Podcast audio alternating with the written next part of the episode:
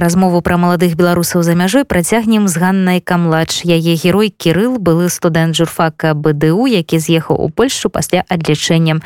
Пра пратэсты на факультэце і эміграцыю слухайце ў праграме.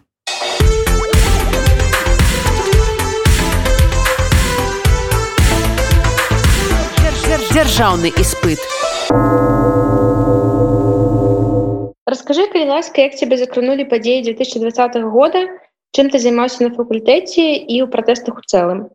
Еще до активной фазы протеста я обратил внимание на заявление Тихановского, а потом и Бабарика. Это было еще осенью или в начале весны, сколько я помню. Я четко понимал, что честных выборов не будет, и на тот момент еще 17-летнего себя в этом не видел, но поддерживал. Начиная с весны стал активно поддерживать протест был на улице в августе э, в горячие дни, но для здоровья серьезного тогда ничего не получил. Когда пришел на, в университет, на факультет, я знал, что просто так молчать не буду. Администрация именно этого и захочет. В день общенациональной забастовки 25 ноября был активным участником. Помогал организовывать и другие акции. Расскажи, чему ты выбрал менавіта такие методы протесту и чему забастовка на факультете не спрацавала? Потому что именно такие методы были приемлемы для людей. Сам бы я хотел бы другого, но делать это пришлось бы одному.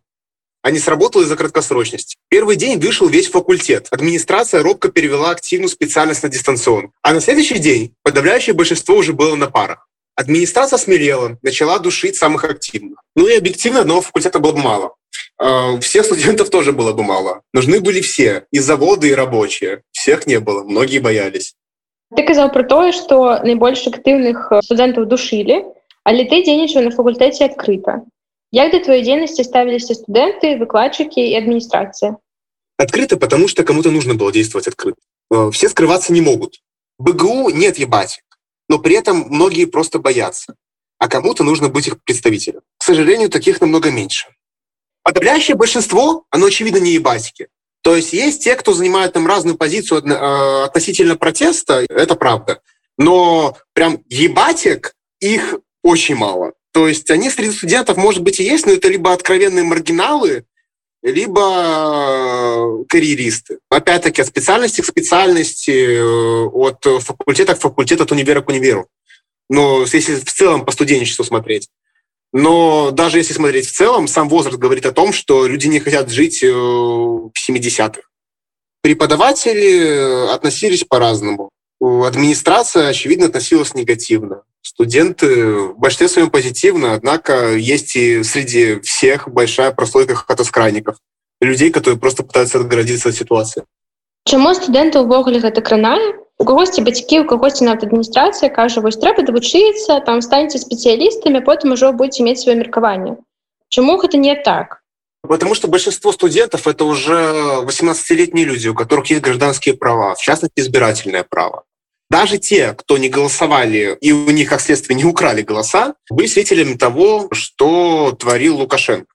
И, ну, товарищи силовики и остальные. Это откровенные преступления, и они, конечно, все еще касаются политики, но тем не менее. Более того, даже если не касаться там, каких-то актов насилия и того, что это было и раньше, не только в 2020 году, молодые люди учатся в большинстве своем государственных университетах, потому что других у нас почти нет в стране. Поэтому, чтобы влиять на систему образования, им приходится влиять на государство. А влиять на него не могут, потому что лишены избирательного права. Чтобы влиять на свою будущую профессию, они тоже должны как-то влиять на государство. Их этого лишают. Политика касается всех. Нельзя быть вне политики. Можно закрыться от политики.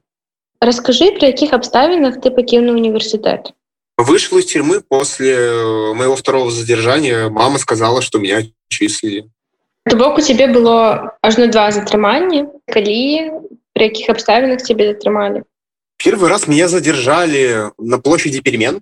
Там где убили э, мандаренко и тогда это было не то чтобы отсидка это было именно вот как задержание до выяснения скажем так.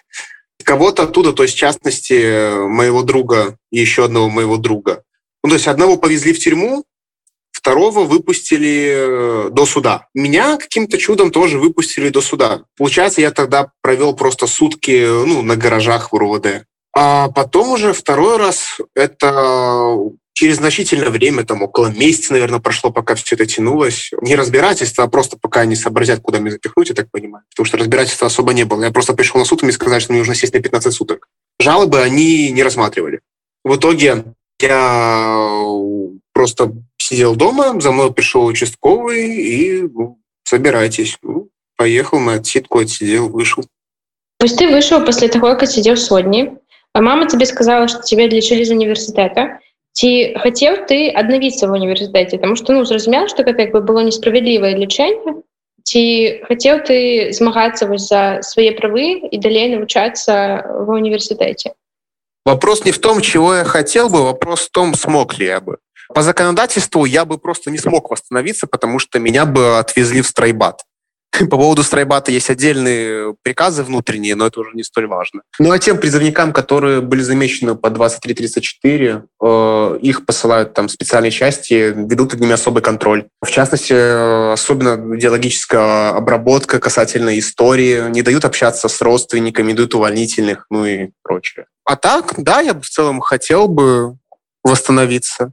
То есть, опять-таки, БГУ — это объективно не самый лучший вуз в мире, но тем не менее учиться бы я хотел изначально именно в нем. Расскажи, чему ты вырашил уехать с краины? Потому что не хотел просто так безрезультатно садиться в тюрьму. Насколько я помню, это под Смоливичами было. Мужик знак протеста пошел просто под местное РУВД и сжег себя. Он пожертвовал своей жизнью. Его кто-то помнит, кроме меня сейчас, нет? Ну, родители его помнят, там дети, родственники. А кто еще помнит? То есть это бесполезная жертва, которая ни к чему не привела. Я ценю самоотверженность этого человека, но повторять я не хочу. Не жалко умереть, жалко умереть бессмысленно. Атрымліваецца, што ты зараз параўнаў смерць з адсіткай у Беларусі. Чаму так?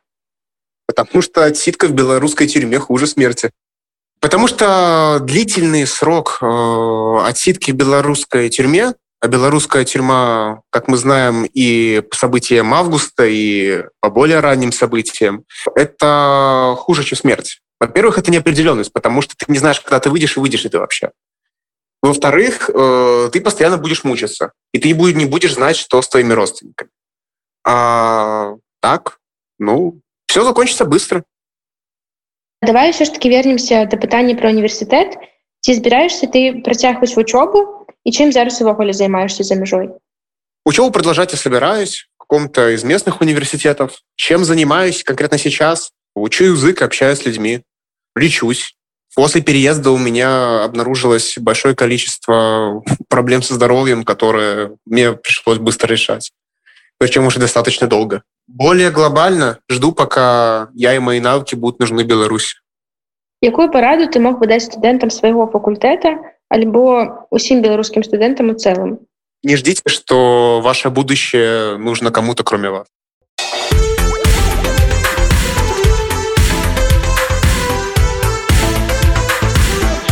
Дзяржаўны іспыт.